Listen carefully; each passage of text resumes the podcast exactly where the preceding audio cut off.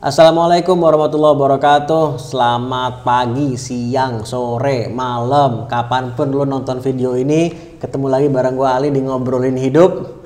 Dan hari ini kita kedatangan tamu yang juga luar biasa Selalu luar biasa tamu-tamunya yang gue yakin eh, gue akan belajar banyak dan lo semua juga insya Allah bisa belajar banyak dari tamu kita hari ini. Ada Bang Yeri Pati Nasarani. Siap.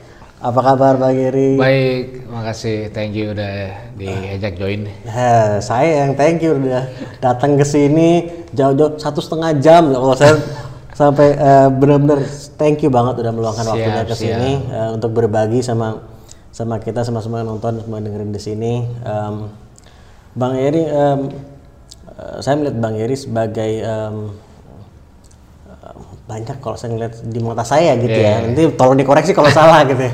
Em, em, pegiat anti narkoba iya, sebagai seorang pendeta iya, pemuka agama gitu ya. Em, kemudian eh, pegiat anti narkoba, kemudian em, sebagai pembicara publik juga gitu. Em, eh, kemudian eh, mengelola yayasan juga gitu kan. Eh, Roni Pati Nasarani Foundation. gitu. Iya, betul.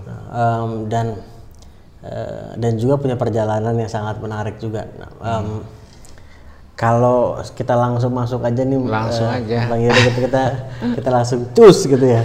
Em, eh, awal mulanya em, kepedulian dengan eh, pertama kalau dengan eh, anti narkoba dari perjalanan Bang Yeri Iya. sendiri sebagai sebagai apa pengguna juga gitu Em, dan sampai juga akhirnya memutuskan untuk eh, menjadi pemuka agama juga menjadi apa pendeta juga itu ceritanya gimana Bang Yeri?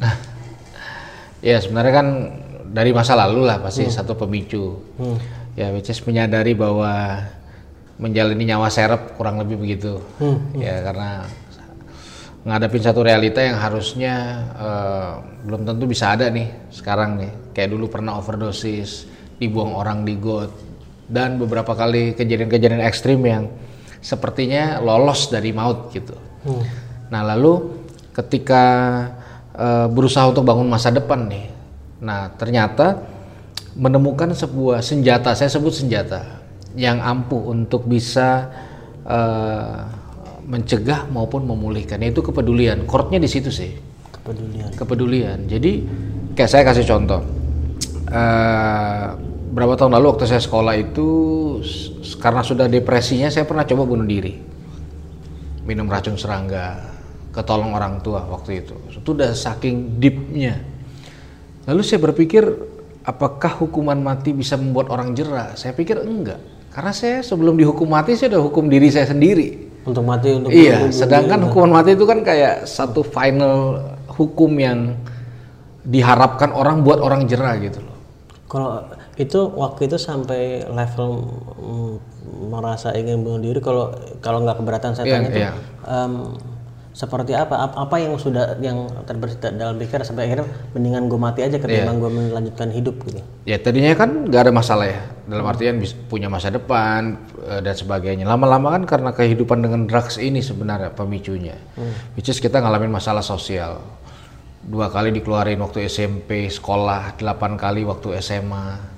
Orang menjauh, nggak ada orang mau main. Nah dulu saya pernah ikut acara keagamaan nih. Eh, harapannya bisa ketemu Tuhan atau paling enggak jadi baik dikit lah. Nah, tapi karena Di umur berapa nih? itu umur belasan kok. Belasan. Artinya su- su- sudah menggunakan Sudah, sudah, sudah, menggunakan. Jadi lagi mencari jalan untuk pulih. Tapi ternyata di tiga hari acara itu, acaranya itu tiga hari. Hari kedua saya dipulangin sama pembimbing rohaninya. Gitu loh. Jadi bayangin institusi rohani pun eh, cukup melakukan rejection yang yang cukup kuat. Jadi saya sempat pesimis lah dengan agama karena perlakuan itu. Itu satu. Kedua, yang saya cerita tadi, bergaul dengan teman-teman yang istilahnya brotherhood lah. Tapi pas OD, overdosis, mereka buang saya di got. Nah, which is di situ kan apa ya? Seperti saya terima sebuah informasi bahwa saya ini lebih hina dari sampah. Sampah aja dibuang pada tempatnya. Saya dibuang di got ini oleh teman Oleh oleh dalam teman-teman. tanda kutip teman-teman Iya. itu sendiri gitu. Jadi kalau orang rame-rame make, lalu ada yang overdosis. Rata-rata orang akan lakukan itu karena nggak mau berurusan dengan polisi, which is kan karena drugs. Ya, ya, ya, ya. Nah dari situ kan istilahnya gini, surga nolak, neraka juga nolak.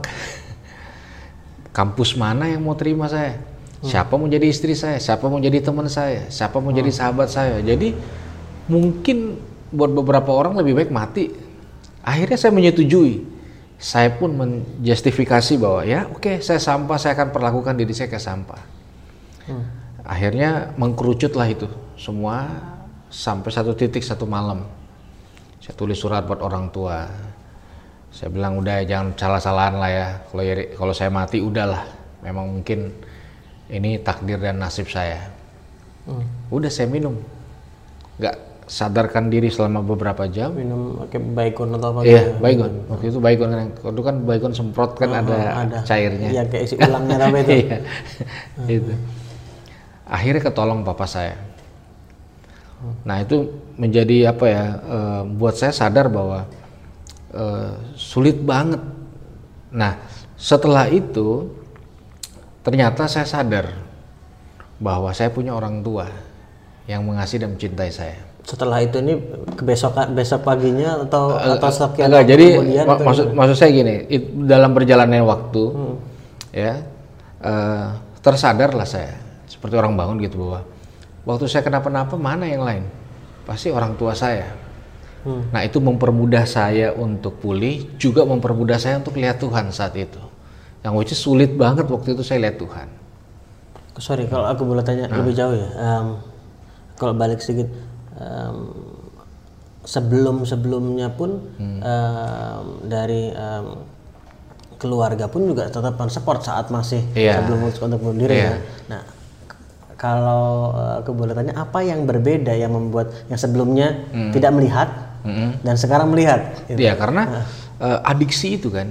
Jadi ketika tahapan orang menggunakan adiksi, coba-coba, mulai masuk dalam eh, apa sih orang bilang sifat toleransinya adiksi tersebut, mulai pakai lebih banyak, mulai kenal circle-nya, sehingga kita ada dalam satu kehidupan, apalagi dalam satu fase orang benar-benar enjoy dan menikmati itu kayak punya dunia sendiri. Apa aja hal-hal baik dia akan tolak karena dia nomor satu bangun pagi cari narkoba, siang cari ini cari nggak ada duit nyolong sana semua, bener-bener tenggelam gitu yang dibilang lingkaran setan. nah jadi orang mau baik mau apa pun kita ah ah gitu kan, gitu. Jadi nah, sebenarnya ada pemicunya. Setelah itu ada ada pemicunya. Jadi papa saya itu kan pemain bola legendnya Indonesia lah orang bilang. Iya. Nah, Kapten tahun timnas. Iya, timnas, pelatih. Dia bapak futsal juga, komentator bola juga. Jadi dia sama bola tuh kayak kayak agama kedua lah. Gilanya tuh gitu. Nah, satu kali dia kan dinobatkan sebagai pelatih terbaik dan termahal. Jadi the best coach. Nah, saya hancur.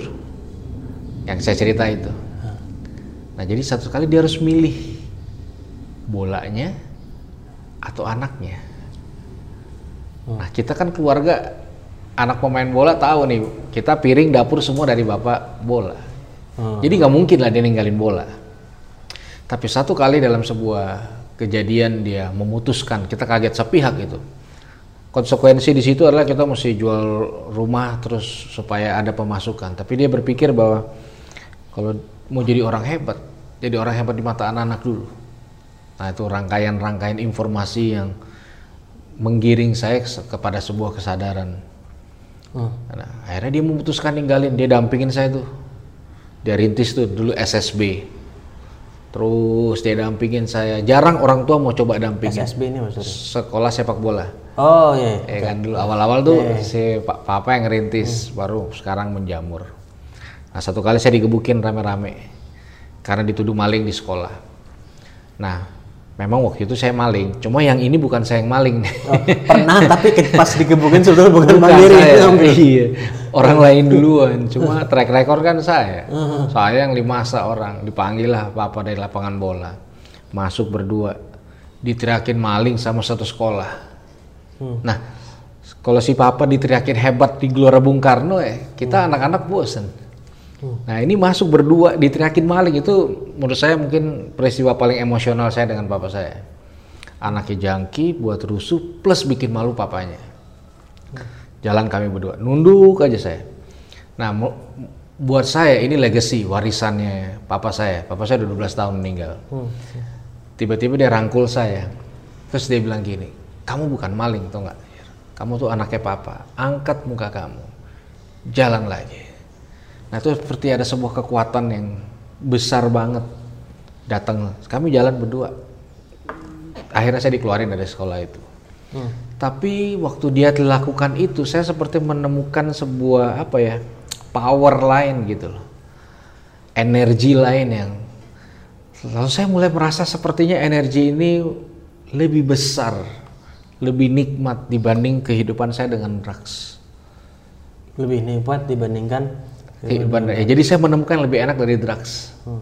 Dari lebih hebat impactnya yaitu kepedulian cinta kasih secara spesifik yang dilakukan oleh orang tua saya. Lebih spesifik lagi yang dilakukan oleh ayah saya sama saya. Hmm. nah itu menjadi sebuah chord seperti ada sebuah modul permanen di dalam pikiran dan hati saya bahwa sebuah kepedulian selalu melahirkan benih sejarah baru di kemudian hari.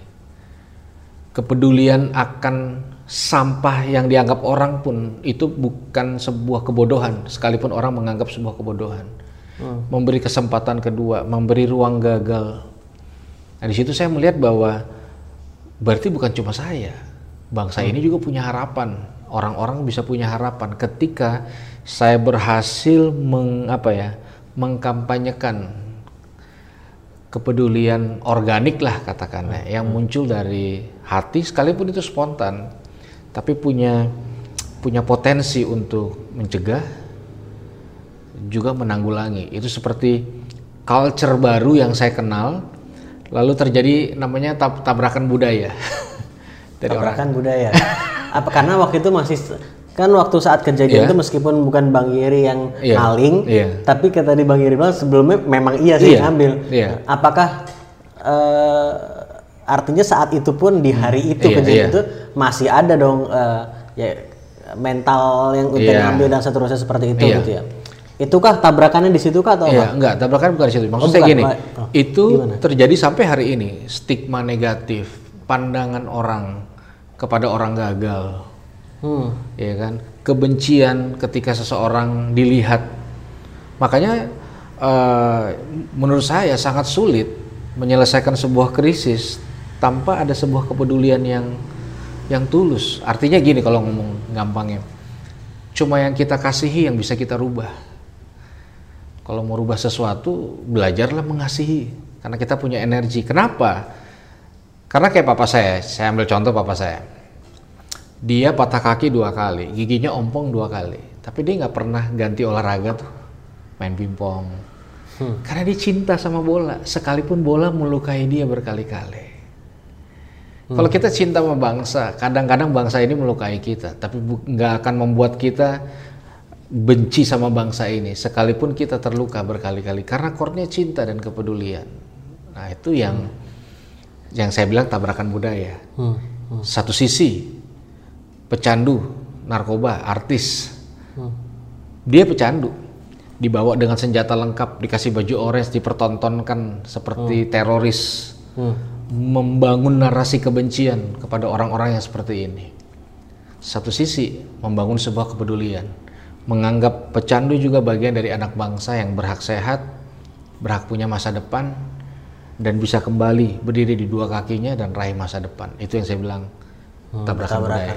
Kalau s- sekarang eh, beberapa kali kayak tadi Bang Yeri bilang kita sering melihat em, apakah artis atau siapa pun misalnya gitu ya em, yang eh, tadi dipertontonkan karena narkoba Iya. eh, ditangkap kemudian dipertontonkan gitu. Hmm.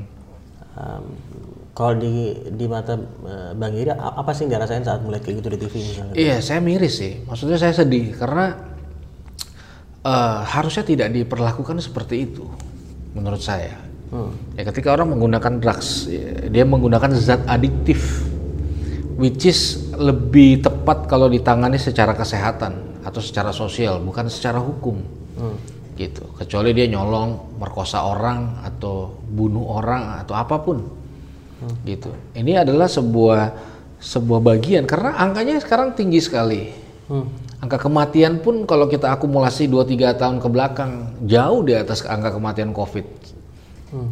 hariannya. Which is ini adalah sebuah krisis bangsa yang harusnya dilihat dari kacamata uh, sebagai anak bangsa, bukan sebagai pesakitan, bukan sebagai hmm. uh, musuh masyarakat. Itu kan ya saya rasa ya dia harus bersyukur karena dia artis. Kalau dia bukan artis, dia akan sulit dapat pekerjaan setelah itu. Dia akan dijauhi hmm, oleh lingkungannya. Hmm, hmm. Dia pulang ke rumah belum tentu orang tuanya buka pintu. Hmm.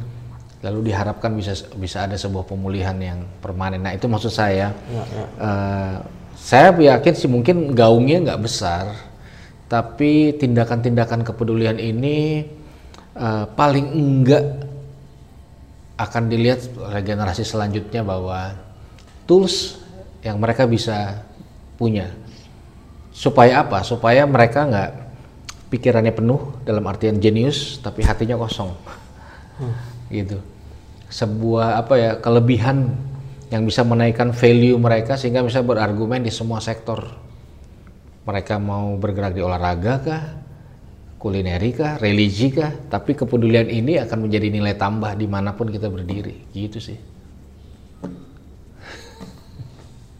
rasanya pengen berhenti sebentar, pengen mencerna dulu dan meresapi apa yang barusan dibilang sama Bang Yeri. Jadi saya merasa harus berhenti dulu sebentar. Oke, okay, okay, um, sangat sangat menarik dan uh, very insightful. Um,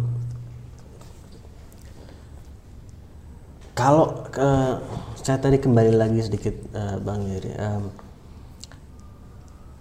saat kejadian tadi yang uh, dibilang diteriakin maling hmm. dan terus uh, Papa tadi bilang apa yeah. bilang apa tegakkan uh, kepala kamu dan hmm. kamu bukan maling gitu kan kamu anak Papa dan itu menjadi momen yang uh, bisa dibilang uh, sangat signifikan gitu hmm. yang punya peran besar terhadap hmm. uh, perubahan hmm. dalam uh, hidup Bang Yeri um, tapi kayak tadi saya sempat sempat berpikir juga tapi kan di hari itu di hari itu, hmm. misal paginya lah yeah, gitu yeah, ya. Huh. Itu kan masih uh, walaupun nggak maling hari tapi kan hmm. masih terpikir mungkin gitu kan masih ada masih ada keinginan keinginan seperti itu. Apakah hari setelah kejadian itu betul-betul selesai atau itu masih struggling juga masih struggling, masih struggling. Dan, dan itu prosesnya seperti apa sampai apakah ada kejadian lain yang membuat yeah. memperkuat itu kayak gimana yeah, sih? itu eh, itu masih struggling jadi nggak dep di situ nggak? Hmm, karena hmm. ya jadi tapi di situ seperti ada selama ini kan kayak saya satu arah gitu. Hmm. tapi kayak saya melihat sebuah jalan lain gitu.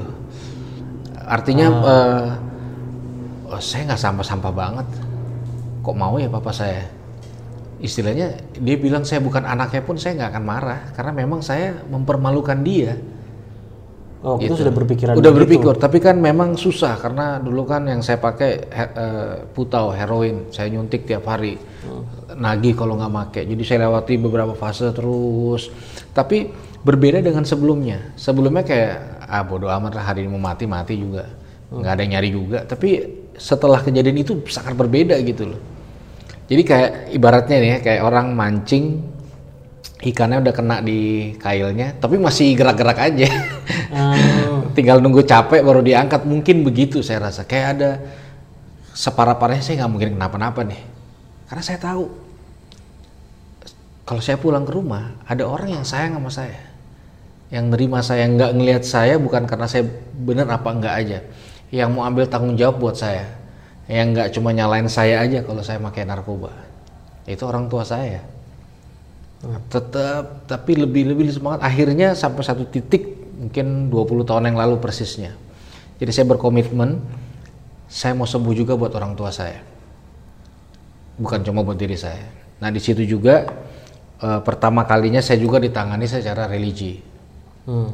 jadi hmm. itu sangat membantu. Artinya menurut saya pemakaian narkoba kalau nggak ketemu yang lebih enak sulit berhenti. Dan dia itu ada di dua hal family sama religius waktu saya kenal Tuhan saya melihat dunia yang baru angle yang baru hmm. ini yang baru siapa saya di hadapan Tuhan apa yang Tuhan pikirkan ketika dia lihat orang model kayak saya itu mengubah mindset saya mengubah cara berpikir saya. Saya masih ada kecanduan nggak saat itu? Masih ada. Saat itu ada. Masih ada. Ada. Untuk untuk kan kalau dia ngilangin uh, apa di darah aja. Mungkin satu minggu dua minggu oh, udah. Tapi kan ada namanya sugesti. Hmm, hmm. udah gitu saya terlibat dengan sindikat juga. Saya harus eh, waktu itu nggak bisa pulang dalam jangka waktu lama karena eh setelah saya disembara lah sama sindikat. Karena dipikir saya mata-mata polisi waktu itu. Jadi keluar dari sindikat itu sangat sulit. Sangat sulit. Nyawa taruhannya. Gitu. Sampai saya nggak bisa pulang hampir dua tahun. Ini saya boleh nggak saya menanya ke arah boleh situ? boleh boleh. Silakan Em, gimana keluarnya terus itu saya betul apa keluar dari situnya ha, Jadi setelah saya memastikan mendekati 100% semuanya udah meninggal. Kalau enggak saya nggak mungkin bisa pulang. Karena sudah mendekati 100% keluar maksudnya artinya saya tanya sini masih ada nggak? Udah mati bro. Hmm. Abang ini masih ada nggak? Udah meninggal. Abang ini masih ada nggak? Udah dan itu meninggal. OD juga atau Ode dibunuh, hmm, mati di penjara, hmm, kena HIV, eh, bunuh diri. hmm. Jadi satu angkatan itu kayak habis baru pelan-pelan merangkak. Baru pelan-pelan saya baru mulai berbagi sama orang lain. Hmm. Setelah circle awal saya itu mendekati clean.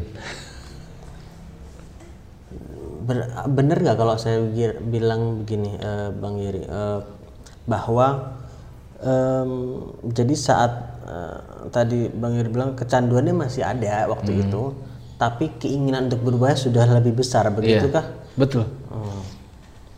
Makanya kan kalau filosofi sederhana saya kan ada anjing hitam, anjing putih, itu kan. Kalau berantem yang menang yang mana? Yang paling sering saya kasih makan lah. Nah, Ya, anggaplah anjing hitam nih manusia jahat saya. Anjing putih ini manusia baru saya. Saya nggak pernah kasih makan rohani saya, sifat-sifat baik saya. Ada. Tapi dulu mungkin ini yang besar, ini yang cuma wacana aja gitu loh. Nah, akhirnya ya ini kan saya temukan dalam perjalanan spiritual ketika saya memberi makan juga manusia rohani saya hal-hal yang baik mengkonsumsi bergaul dengan orang yang baik itu seakan kayak mulai gemuk lah nih anjing putihnya. Ininya sih ada cuma kecil. Dan dan pengertian ini pun yang sederhana ini sangat menolong saya untuk menjaga pergaulan menjaga stamina menjaga bagaimana bisa maintain perasaan sugesti ketika eh, bagaimana deal terutama deal sama kelemahan-kelemahan saya emosi seks drugs. Jadi saya saya mengha- mulai menghafal gejala-gejala ketika hal ini mulai membawa saya berpotensi balik ke yang dulu. Kayak kayak gitu-gitu. Ini kalau kalau saya boleh tanya nih ya. boleh silahkan silahkan Em, eh, sam- sekarang itu masih ada nggak sih kalau meskipun tidak dilakukan tuh, Iya, tapi iya, keinginan untuk make gitu? Kalau make sih hampir kecil lah. Ya kan? Ada tapi ya, masih kecil tapi ada. Dan walaupun terus dilakukan iya gitu iya. ya. ada. Kayak kecil lah gitu. Eh, ya selain saya maintain udah, udah cukup panjang juga. Meskipun itu nggak jaminan tapi menurut saya itu akan seumur hidup kok. Namanya memori tahu enaknya. Dingin dingin nih enaknya ngapain? Pasti tahu. Kalau kayak gini enaknya ngapain? Dan kita kan memori itu kan nggak bisa simsalabim dihilangkan. Makanya saya dalam tanda kutip bersahabat dengan itulah. Perasaan-perasaan sama feel itu sehingga saya bisa lebih dominan paling nggak begitu. Bersahabat itu gimana? Apa yang dikatakan artinya sama- saya saya tidak eh aduh nih dijauhin dijauhin jauhin artinya itu hal yang mulai nature itu bagian dari saya. Hmm. kapan saya punya pemikiran 100% nggak kepengen lagi? Ya kalau saya mati saya rasa sih baru 100% ya supaya saya juga bisa atur ekspektasi saya sama orang lain. Hmm. nggak simsalabim berhenti. Nah kalau dia kena lagi ruang saya memberi sebuah keluasan tuh gagal juga luas karena saya juga begitu Hmm. dan menurut saya semua orang kayaknya merasakan hal yang sama deh. Pasti ada lah namanya tahu hal-hal buruk yang pernah, apalagi memori enaknya itu pasti orang tahu. Hmm. Itu sih. Ada.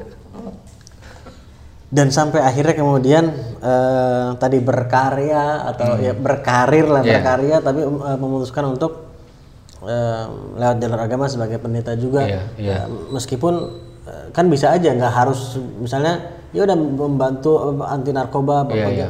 Eh, tapi kenapa akhirnya sampai eh, muncul keinginan untuk eh, dari sisi agama juga sebagai pendeta Iya, menurut saya karena semua tools akan menjadi baik gitu. Jadi kalau orang lihat saya kan tergantung nanti sisinya mana. Penggiat narkoba ya ini aktivis sosial juga iya. Ini juga iya dan itu semua sem- apa ya memperkaya bukan cuma saya, memperkaya akses untuk bisa juga berbagi dan menolong orang gitu loh. Iya kan. Dan tapi satu sisi juga ya religi itu punya ruang luas banget dalam kehidupan dia lah yang, yang memicu ini semua tuh. Kenapa Memicu saya harus memicu? Kenapa saya harus berbagi? Apa yang harus dilakukan dalam berbagi? Kayak contoh misalnya, salah satu saya jaga diri saya adalah saya juga menjaga orang lain. Gitu loh. Ketika saya pengen didoain, saya juga doain orang lain. Ketika saya lapar ya saya juga ngasih makan orang lain. Itu tanpa kalau pakai kacamata untung rugi nggak akan dapet, tapi itu berhasil untuk menjaga sirkulasi saya tetap oke dengan cara ngejaga orang lain. Bagaimana saya punya support system? Waktu saya menjadi support system itu sendiri untuk orang lain. Hmm, ketika kita menjadi support system untuk orang lain itu juga justru menjadi support system Iya. buat kita sendiri. Iya, dan itu kan murah meriah. Saya nggak tergantung organisasi, saya nggak usah bawa proposal, nggak apa. Semua berdasarkan keputusan saya bangun pagi Heeh. sampai saya tidur malam. Dan em, eh, eh, kemudian tadi em, saya masih mau mengulik lebih jauh lagi. silakan, silakan, silakan. Eh, terlepas dari apa yang tadi Bang Yeri sampaikan, Iya.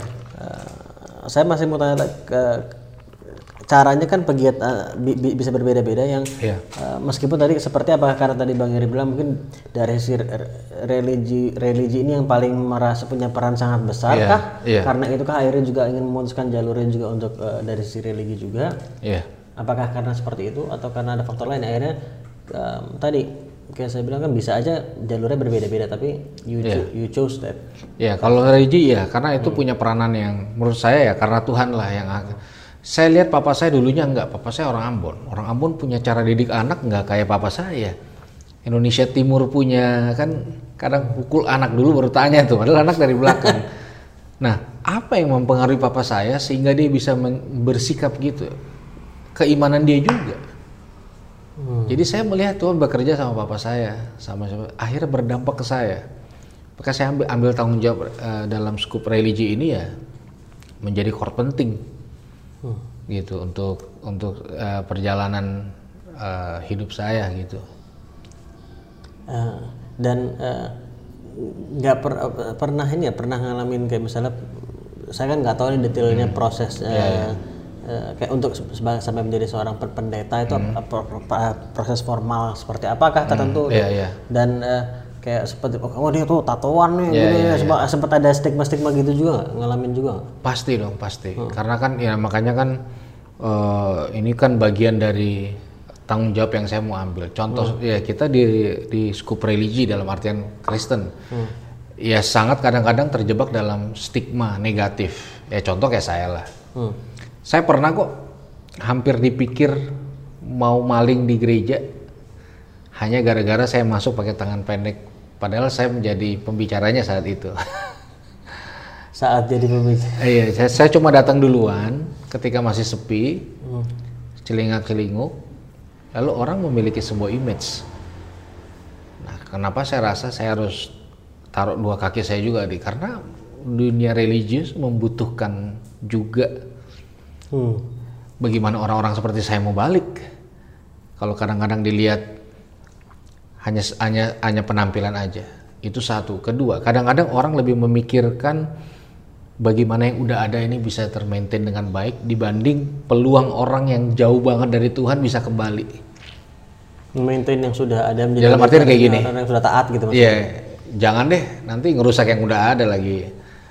Umat-umat kita yang udah setia nanti ke kami di gara-gara kamu.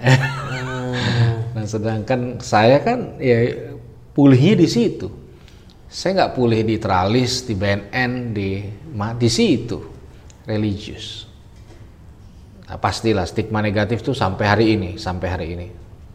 Sampai hari Sampai ini hari ini. kayak, kayak apa kalau kalau hari ini misalnya Iya sampai hari ini dalam artian ya orang selalu kayak misalnya saya datang ke dalam sebuah ibadah Kristen, saya pembicaranya, saya ke kamar mandi, saya sama istri. Nah sementara saya ke kamar mandi, beberapa orang aktivis di gereja itu ngobrol sama istri saya. Ibu benar suaminya udah berhenti. Kok ibu mau sih? Ibu nggak takut? Biasanya kan orang pakai narkoba ada penyakitnya. Ntar kalau anak ibu cacat gimana? Nah itu. Dan itu gimana tuh ngadepin kayak misalnya itu kan jadi jadi isu Iya, di- di- jadi di- kalau itu kan, keluarga juga Bu. Jadi itu sama kayak tadi pertanyaan yang tadi. Saya deal, saya bersahabat sama itu seumur hidup. Nah, sebenarnya kalau saya sekarang nih udah nggak kepikiran itu. Yang saya kepikiran tuh gimana teman-teman saya yang lagi berjuang, ninggalin hidup jahat, mau benar, tapi kadang-kadang mendapatkan stigma dan perlakuan seperti itu. Nah, itu sih. Jadi kalau saya sih ya udahlah emang paling saya bilang ya mendingan mantan penjahat daripada menjadi mantan pendeta gitu paling saya bilang. Point. mendingan mantan orang jahat daripada mantan orang baik ya itulah penghiburan saya ceng-cengan kayak gitu aja tapi ada no hard feeling nggak apa-apa kok istilahnya feel free aja kalau orang mau ini sih Apa yang Mbak Bang jadi eh, rasakan ketika melihat yang orang yang, yang masih seperti itu yang berstigma seperti itu? sedih banget saya jadi nggak adil gitu adil harus mereka harusnya punya satu kesempatan untuk bisa raih kembali masa depannya. Tapi kadang-kadang stigma negatif itu selalu meletakkan mereka itu ke orang-orang nomor dua, Hmm. gitu. Eh, ya jelas sih kalau kita buka mata nggak ada orang kasih penghargaan pada orang yang nggak naik kelas, pel- pelacur nggak ada. Tapi kan kacamata religi sebenarnya harusnya punya peluang, Meskipun nggak selalu ada, untuk memberikan ruang untuk orang punya kesempatan kedua. Saya lahir dari kesempatan kedua yang orang buka. Di sinilah saya. Artinya kan ya secara sukses story ada kemungkinan orang bisa ngalamin. Hmm. Dan itu baik banget. Nah itu yang maksudnya jadi salah satu perjuangan di dalam dunia eh, religius saya. Salah satu chordnya adalah menghilangkan stigma-stigma negatif. Cara pandang, cara lihat, kesimpulan-kesimpulan yang terlalu dini menurut saya. Dan eh, saat memutuskan untuk eh, menjadi pendeta pun eh, kayak tadi sebelumnya kan akhirnya ingin eh, berbagi gitu ya, ingin membagi ke- kebermanfaatan lewat jalur tersebut gitu. Iya. Nah, em, ada rasa takut juga nggak yang dihadapi apalagi se- apakah sudah ada bayangan nanti bakal ada stigma-stigma gini lagi ada rasa takut Iya gitu? itu udah udah pasti sih, udah pasti gitu. Tapi itu eh, area bukan area tempur ya, area yang memang jadi tanggung jawab saya. Hmm. Harus ada di satu titik di mana orang melihat eh aman tuh dia ada di situ. Kepentingan saya untuk menerobos adalah supaya teman-teman ini nggak perlu mulai dari nol. Makanya itu perjuangan dan komitmen saya untuk eh, berbagi sekalipun ada stigma atau pandangan-pandangan negatif orang eh, ke saya gitu. Dalam artian masa lalu iya penampilan juga iya dan saya nggak selalu eh, menutup-nutupi atau membagus-bagusi eh, ya saya apa adanya aja. Dan saya rasa itu ya edukasi yang menarik lah. Ketika orang kenal Tuhan orang harus belajar mencintai apa yang Tuhan cintai Orang harus belajar mencintai cintai apa, yang, Tuhan, cintai. Jadi ya kalau Tuhan mencintai orang-orang yang sulit mereka, ya mereka harus belajar. Gimana cara belajar untuk mencintai? Artinya kan itu bu- itu, Iya, itu iya. bukan hal yang mudah gitu Iya, kan, ya kan? setuju. Kalau kalau kalau saya ha- ya, bukan hal mudah, tapi bagaimana jadi mudah. Bagaimana kita dicintai sama Tuhan, diberi kesempatan sama Tuhan. Ketika kita buat sebuah kesalahan atau kekonyolan, dia tidak membandrol harga mati buat kita. Dia kasih kita kesempatan berikutnya, berikutnya, pengampunan, kasih, cinta. Bagaimana mungkin kita yang sudah mendapatkan itu, lalu kita menolak melakukan itu sama orang lain? Itu merupa, menurut saya sebuah pengkhianatan terhadap apa yang sudah Tuhan lakukan sama kita. Which is, apa sih alasannya? Alasannya karena kita dicintai, karena kita diampuni, karena kita penting buat Tuhan. Nah, harusnya bagaimana mata Tuhan melihat mata kita, menolong mata kita melihat orang-orang yang sulit dikasihi oleh uh, orang banyak gitu. Dan merupakan menurut saya itu satu metodologi yang sederhana. Kamu nggak perlu ada di sebuah apa kurikulum yang panjang untuk apa yang dari pikiran merubah pikiran, apa yang dari hati merubah hati, apa yang dari hidup ya merubah hidup. Jadi ya, untung banget Tuhan di tengah untuk mempengaruhi itu semua, sehingga kita punya alasan sekalipun uh, tidak bisa dilihat lewat untung rugi. Ya, ya. Hmm. Ya. Uh, minum dulu pak. Ya. saya mikir mau menyusun pertanyaan. Saya sudah terpikir banyak pertanyaan. yang pertama yang mana dulu? Terus saya ingin menyusun yeah, iya. pertanyaan di kepala saya. Uh, um, gini mungkin ya. Uh, ada nggak titik juga kalau tadi kan kita bicara soal memulai. Yeah. Ya ada ketakutan. Hmm. Salah satu mengenai stigma dan ternyata itu betul terjadi hmm. juga gitu kan. Hmm. Um, tapi ada juga nggak titik di mana apa ya seperti memvalidasi bahkan gitu. Hmm. Oke ini emang bener ini ini path gue nih di sini. Ada nggak hmm. kejadian tertentu yang menjadi momen uh, atau mungkin bisa jadi lebih dari satu juga ketika hmm. Bang Yeri merasa seperti itu. Ada? Iya, karena waktu saya lihat ya karena gini, ada beberapa orang yang saya temenin uh, meninggal bersama saya dalam artian detik-detik terakhir sama saya gitu. Hmm. Orang tuanya ninggalin, terutama mereka yang kena HIV hmm. biasa pecandu kena HIV dijauhin nggak ada yang mengurus saya yang urus lah ke rumah sakit. Ada beberapa yang meninggal istilahnya di, di, di tangan gitu. Dan statement mereka hampir sama nih beberapa yang meninggal sahabat-sahabat saya. Dia bilang gini oke okay lah saya buat gagal dan memang saya layak tidak dijauhin tapi betapa bersyukurnya saya ketika di hari-hari terakhir saya saya tetap menemukan ada orang yang masih mau peduli paling tidak masih mau menyatakan kasihnya sama saya. Yang dia maksud tuh saya. Hmm. Nah buat saya itu sebuah apa ya konformasi gitu. Sekalipun orang akan bilang gagal orang yang lo nangani meninggal ya. Hmm. Oh saya nggak lihat dari sisi itu. Buat saya saya nggak saya nggak dorong mereka untuk bisa berhenti 100%. Saya dorong supaya mereka berjuang kalau mereka gagal lagi. Beberapa bahkan uh, saya yang kubur karena keluarganya nggak mau ngurus ya yes, orang dengan HIV stigmanya sama dengan COVID hmm. nggak boleh terlalu lama uh, apa uh, sebelum dikubur dan sebagainya dan itu masih terjadi stigma-stigma seperti itu apalagi kalau dia sudah uh, di di fase bukan cuma HIV LGBT juga hmm. drugs juga itu kan jadi ada beberapa orang yang secara regulasi selalu saya jadikan sebuah konfirmasi kalau saya capek pengen nyerah pengen berhenti ya pahlawan-pahlawan saya inilah orang sederhana hmm. yang gagal di mata orang tapi entah kenapa ya momen-momen terakhir dia tuh kayaknya deep banget sama saya gitu. Terutama ke sayanya sih. Hmm, jadi hmm. buat saya dia ini pahlawan saya. Gitu. Dan itu mematahkan argumen-argumen ketika di jalan orang serang saya serang pikiran saya sendiri juga. Udahlah. Uh, ya ngurus diri lah atau hmm. apalah gitu. Itu sih. Tadi bicara soal down tadi sering nggak ngalamin kayak gitu Iya, kayaknya kayak siklus sih. Kalau nggak tahu ya. siklus gimana?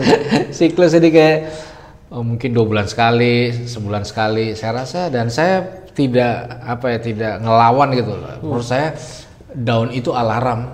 Saya sadar bahwa dari mana saya ada. Uh, awalnya orang cuma saya sama Tuhan kok. Jadi down itu selalu eh, nggak uh, pernah saya antisipasi supaya jangan sampai down nih. Hmm. Kadang-kadang saya enjoy uh, dalam masa-masa down saya menyadari bahwa jangan-jangan ini kayak orang di pom bensin gitu loh pak mulai dari nol ya ada hal-hal yang baru lagi yang mau dikasih sama saya gitu jadi oke okay. gitu. ya kan jadi kan orang mungkin saya capek ya kayak kayak, kayak motor capek gitu loh habis bensinnya hmm. nyampe lah dia ya orang capek emang beneran capek tapi mungkin akan ada sebuah perjalanan iman yang baru, ketemu dengan orang yang baru, hmm. ketemu dengan hal yang baru, melakukan hal yang baru. Setelah down, jadi saya menaruh respect tinggi sama uh, fase down itu.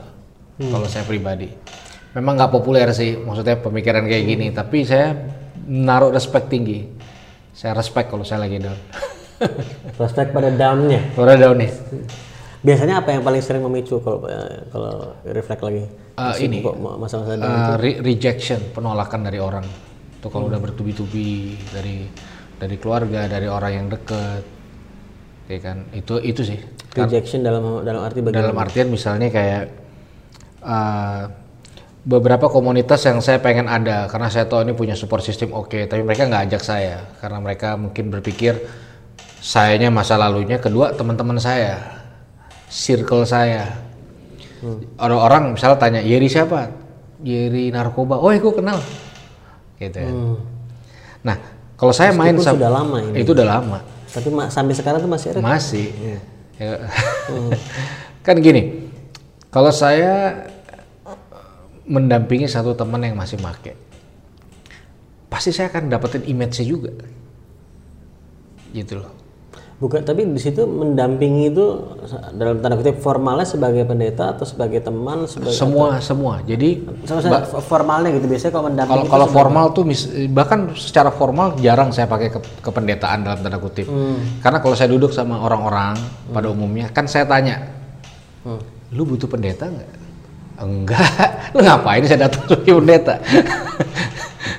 gitu. Mereka cuma butuh teman, kadang cuma buat didengerin gitu loh. Ah, iya. Kadang cuma butuh di motivasi atau di atau ditemenin di sebelahnya aja begitu. Hmm. Nah itu proses itu kan kadang-kadang uh, kenapa banyak orang nggak mau melakukan karena misalnya yang didampingi ini gay. Hmm. Ya orang kan pikir siapa pun pendampingnya pasti gay juga. Ah. Uh, persepsi negatif dari si itunya. Nah, itu yang kadang-kadang membuat banyak rejection. Gitu. Wah, orang dekat-dekat saya wah pasti ada masalah mau narkoba tuh orang. Udah pasti. Itu jadi um, beginikah artinya um, masih ada orang yang melihat oh uh, dia pendeta memang sekarang tapi dia kayaknya masih make artinya ada orang yang masih ada. Oh gitu. Jadi ya supaya orang besar hati. Jangan punya ekspektasi tinggi lalu hmm. kecewa berat tiba-tiba Kalau sama yang um, um, saya nggak mau menggunakan kata berhasil karena tadi kan tolak ukur keberhasilannya yeah. bukan dari uh, nah. meninggal atau enggak, cuman artinya yang kemudian dia um, sampai tidak meninggal tapi dia hmm. kemudian akhirnya didampingi dan yeah. kemudian um, berhasil terus melanjutkan hidupnya yeah. dan berubah gitu ya. Yeah. Uh, biasanya apa uh, Bang Iri yang membuat mereka uh, ada nggak sih pola ada pola tertentu nggak sih terkait yang membuat mereka akhirnya mulai Iya, sebenarnya kan saya tinggal copy paste gitu. apa yang pengalaman saya aja, menolong hmm. mereka punya sikap respect sama Tuhan, menolong hmm. mereka menemukan identitas diri mereka, menolong mereka menemukan passion dan kekuatan mereka, hmm. menolong mereka untuk memulai tidak dari nol. Gimana caranya bisa? Yang mulai dari nol, misalnya contoh, ketika saya mendampingi satu orang yang punya passion di kuliner, ini yang pernah terjadi ya. Hmm oh bakmi. Hmm. cuma karena dia demen bakmi. Saya demennya bakmi ya udah. Tapi siapalah memperja, mempekerjakan mereka?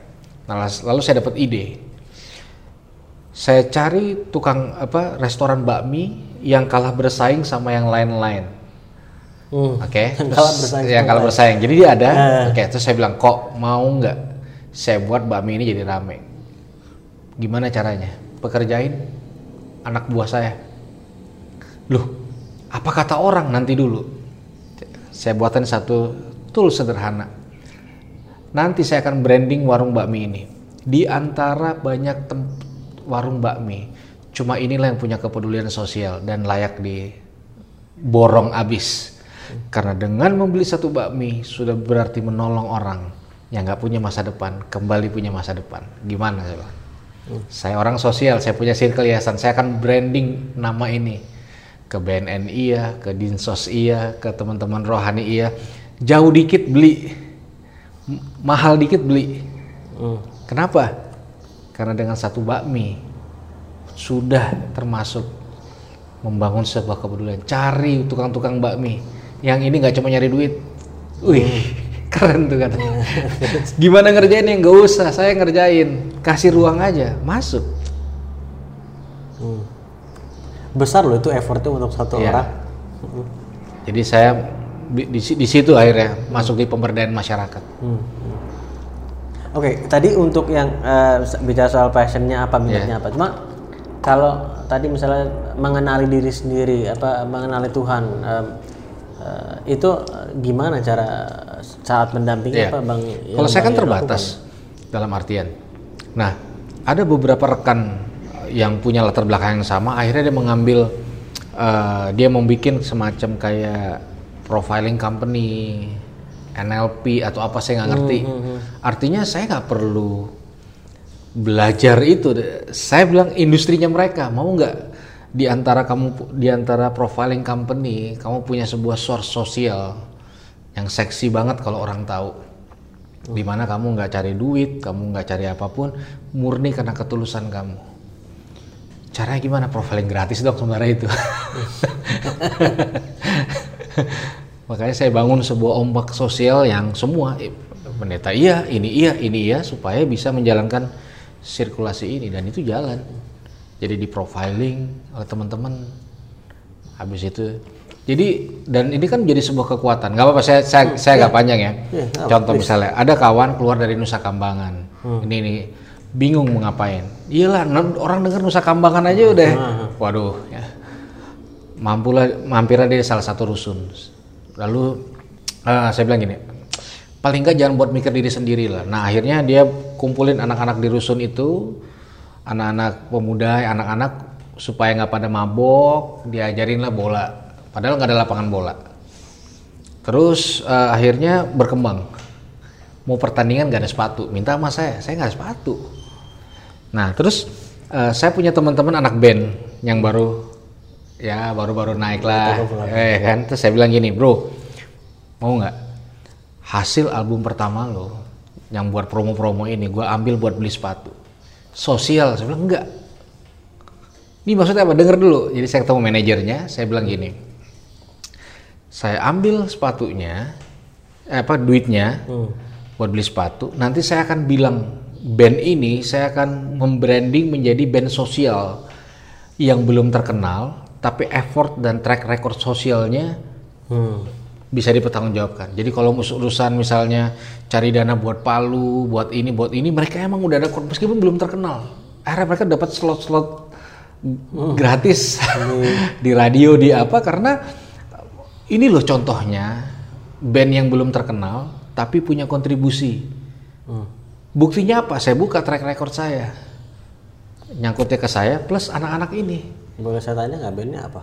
bandnya nggak terkenal sih sekarang sih udah udah setengah bubar mungkin cuma ada buat itu namanya LOD LOD. LOD L, LO sama D awal-awal regular regular kayaknya kayak gini saya juga nggak tahu ya jadinya jadi nggak terkenal gini Ter- terlalu berkiblat ke situ tapi Ya, karena saya soal saya suka musik, saya nanya karena Oh, gitu. itu, Oh, iya. karena pengen dengerin langsung Iya, iya. pengen tahu gitu loh. Nanyanya karena itu. Jadi ya genrenya pop biasa, ininya industri biasa, reguler apa semua. Tapi saya bilang eh, satu kali dia eh, apa off air, saya ajak nih salah satu anak ini, bukan eksploitasi ya, Iya, iya, mem- men- menyebarkan semangat kebaikan. Bayangin satu mimpi dari asal ngeband ngeband belum terkenal mimpi satu anak aja udah dia nggak akan lu- lupa seumur hidup. Nah saya bawa uangnya dong. Saya ke toko olahraga.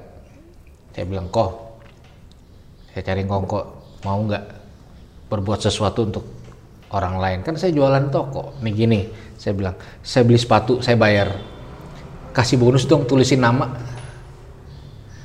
pakai kayak spidol apa gitu kan. Sepatu futsal ya mereknya yang penting ada namanya. Ya sudah. Jadi saya ini punya rekanan-rekanan eh, unit usaha yang siap sinergi. Akhirnya sama saya brandingin lagi toko olahraganya. Eh mau beli senar bulu tangkis. Eng- engkau ini ya. Karena kalau kamu beli di situ nih lihat hasil karyanya. Saya nggak pakai proposal saya nggak pakai minta-minta dana, jual-jual diri apa, semua sirkulasi jalan. Nah makanya saya bilang dari awal kort kepedulian itu menjadi sebuah sebuah senjata sebenarnya murah meriah dan impactful. Kepedulian. Kepedulian. Ini kita kayak cycling back ke awal nih. iya. Kepedulian.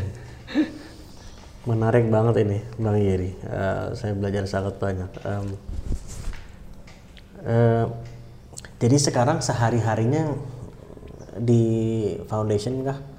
Di, atau di mana sehari-hari jadi? Iya, jadi saya sebenarnya fleksibel sih. Dibilang kantor nggak ada, hmm. lalu kegiatan hari-hari sebenarnya ya lebih di lebih di masyarakat aja.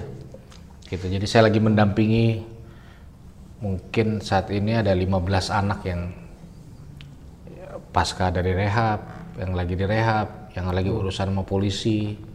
Hmm. Saya dampingin keluarganya juga. Lalu saya memperlengkapi masyarakat. Maksudnya? Gereja, hmm. uh, masjid, pesantren untuk punya sedikit kemampuan untuk bisa menangani krisis-krisis.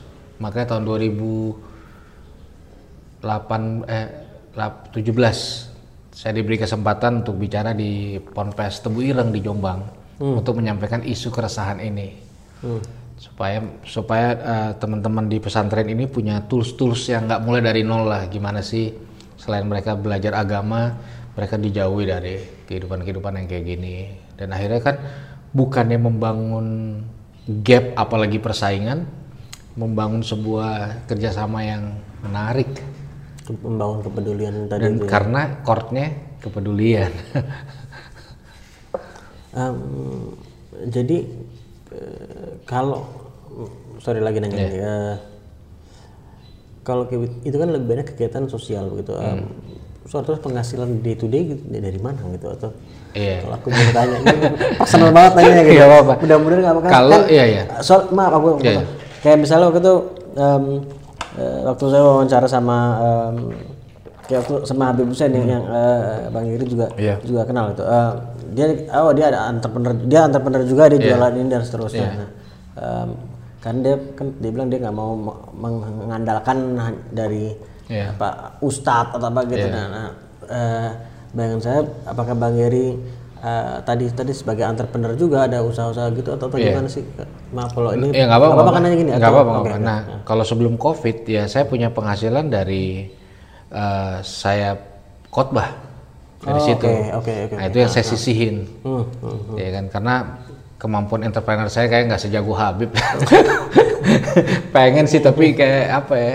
jadi kayak kalau tokoh sinterklas gitu loh bagi-bagi doang dimarahin sama istri ini gimana sih nggak dihitung tapi da ya, berarti dari awalnya situ. dari ah, situ ah, ah tapi okay, uh, okay. nah setelah itu kan dengan adanya konsep pemberdayaan masyarakat saya punya effort pengeluaran nggak besar hmm. dalam artian saya mau support satu satu kelompok ya saya mengedukasi masyarakat lain untuk ngeluarin duitnya juga jadi pengeluaran saya makin ke sini makin nggak besar Oh. Karena saya min, saya malakin orang juga.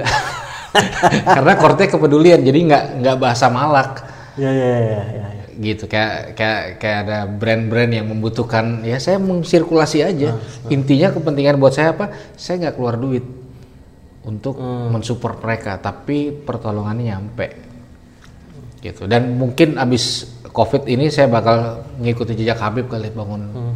beberapa usaha kreatif ya. belum tahu apa tapi kayaknya uh, saya akan lakukan itu juga karena saya saya uh, jadi mohon maaf banget yeah. kalau misalnya tadi dianggap terlalu seandainya terlalu personal gitu. saya tadi bertanya itu uh, karena saya berpikir agar orang yang mendengar yang melihat itu hmm. juga bisa melihat ini bisa menjadi jalur di mana kita tuh bisa uh, apa sustain juga secara yeah. finansial itu yang yeah. saya ingin agar orang juga punya kesa apa uh, kadang takutnya orang yang ingin di jalur sosial tuh merasa aduh ntar gue penghasilan gimana gitu yeah. Saya, orang juga punya yeah. apa pemahaman bahwa you can still get income juga yeah, gitu. betul nah.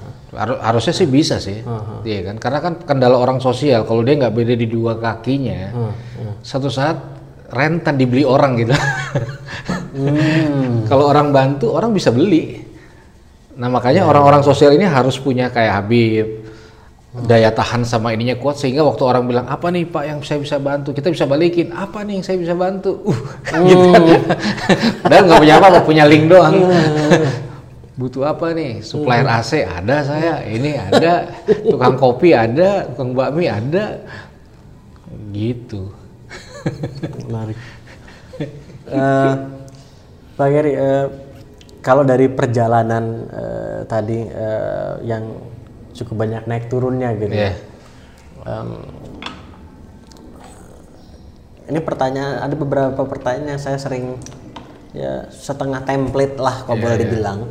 Eh, tapi saya suka menanyakan pertanyaan-pertanyaan ini karena biasanya dari orang ke orang punya jawaban berbeda-beda gitu. Iya, itu iya, iya. cukup menarik dan memberikan menambah wawasan. Kalau Bang Yeri melihat eh, kegagalan di mata eh, Bang Yeri itu apa sih gitu? Kega- Untuk CV. kegagalan ya kegagalan di kacamata saya adalah sesuatu yang numpang lewat Sesuatu yang numpang lewat. lewat. Jadi kita nggak pernah sebenarnya dari kacamata Tuhan. Saya yakin ah, kayaknya semua semua agama percaya hal yang sama. Di- ditakdirkan lahir untuk gagal. Kalau ada kegagalan wajar. Itu halnya cuma numpang lewat aja. Jadi bukan sesuatu yang harus diberi perhatian khusus Hmm. karena dia akan lewat. Itu sih. numpang lewat. Inilah saat tadi saya bilang, meskipun pertanyaannya kayak tapi ada jawabannya yang sangat-sangat menarik. Oke, numpang lewat. Kalau eh, kesuksesan di mata eh, Bang Yeri, apakah ada ada perbedaan nggak mengenai bagaimana eh, Bang Yeri melihat sukses dulu dan sekarang gitu? Kalau kalau kalau jelas ada perbedaan signifikan. Kalau dulu gimana caranya saya menjadi hal besar? Hal besar tuh Hal besar apa aja? Eh sorry, saya mendapatkan hal besar apa aja? Finance, keluarga, semuanya. Hmm. Nah kalau sekarang bagaimana saya menjadi hal besar itu sendiri untuk orang lain? Lebih ke arah situ sih. Mungkin orang bilang ya, tapi saya enjoy banget dengan cara hidup yang seperti itu. menjadi hal besar untuk orang lain. gitu. Ada buku atau film favorit yang terpikir deh kalau seandainya ada banyak gitu. Film apa? Anything, any Iya, genre, iya, iya. any genre. film itu ini apa namanya freedom writer terus story sih Hillary Swank itu yang di Iya, sekolah itu ya. yang sekolah ya genre-genrenya kayak gitulah Her- heroic heroic story heroic leadership yang model kayak kayak gitu saya jarang baca baca buku sih Oh nyari buku. Oke. Jarang baca buku. Tapi film suka nonton. film nggak terlalu juga sih Nggak terlalu juga. Eh, Musik. musik suka saya Saya jadi dia nanya macam-macam nih. Iya, genre saya inilah Metallica Oh sama kita. Oh, anak kata juga. gitu. Oke oke. Eh, grunge eh, anak 90-an lah Anak 90-an. Yes. Oke. eh, terima kasih banyak eh, Siap. Bang Eri sudah meluangkan waktunya datang ke sini. Eh, saya nggak habis pikir meluangkan waktu datang ke sini. Panjang perjalanan satu setengah jam ke sini em, untuk berbagi sama saya dan sama lo juga semua yang melihat dan mendengarkan ini. So terima kasih banyak. Siap. Ada anything else yang ingin sampaikan juga? Ya thank you aja sih sudah dikasih ruang karena sebenarnya kalau mau jujur ruang-ruang kayak gini kan bukan ruang-ruang yang sering dibuka untuk saya menyampaikan hal-hal yang basic bukan basic ya real gitu loh. Biasanya orang nanya orang ajak bicara ya cuma dibutuhkan sebuah apa ya story storynya aja untuk nakut-nakutin orang. Hmm. Jadi nggak nggak dikasih ruang sayanya untuk, informasi. nakut-nakutin orang Ya jangan pakai narkoba ya. Oh gitu. Nih kalau kamu nggak pakai narkoba nih akan hancur nih kayak Iri nih. Oh. Oh iya. Tapi nggak apa-apa juga. Yang penting kan didengar. Ya. Paling nggak ada manfaatnya lah. Oh, kalau Bang Yeri terima kasih, saya lebih terima kasih lagi sekali lagi dan eh, ini pembelajaran yang juga sangat-sangat eh, banyak buat saya pribadi. So terima kasih banyak. Mohon maaf saya juga kalau ada salah. Nah, Eh, thank you. Eh, mudah-mudahan kita ketemu lagi. Siap. Eh, ini pertama kali loh kita ketemu ya, Bang Yeri. ya. Benar-benar baru pertama kali kita ketemu. So eh, terima kasih banyak. Dan eh, buat lo semua sekali lagi, em, mudah-mudahan ini bermanfaat dan mudah-mudahan dimanfaatkan ya. dan kita ketemu di episode selanjutnya. Assalamualaikum warahmatullahi wabarakatuh.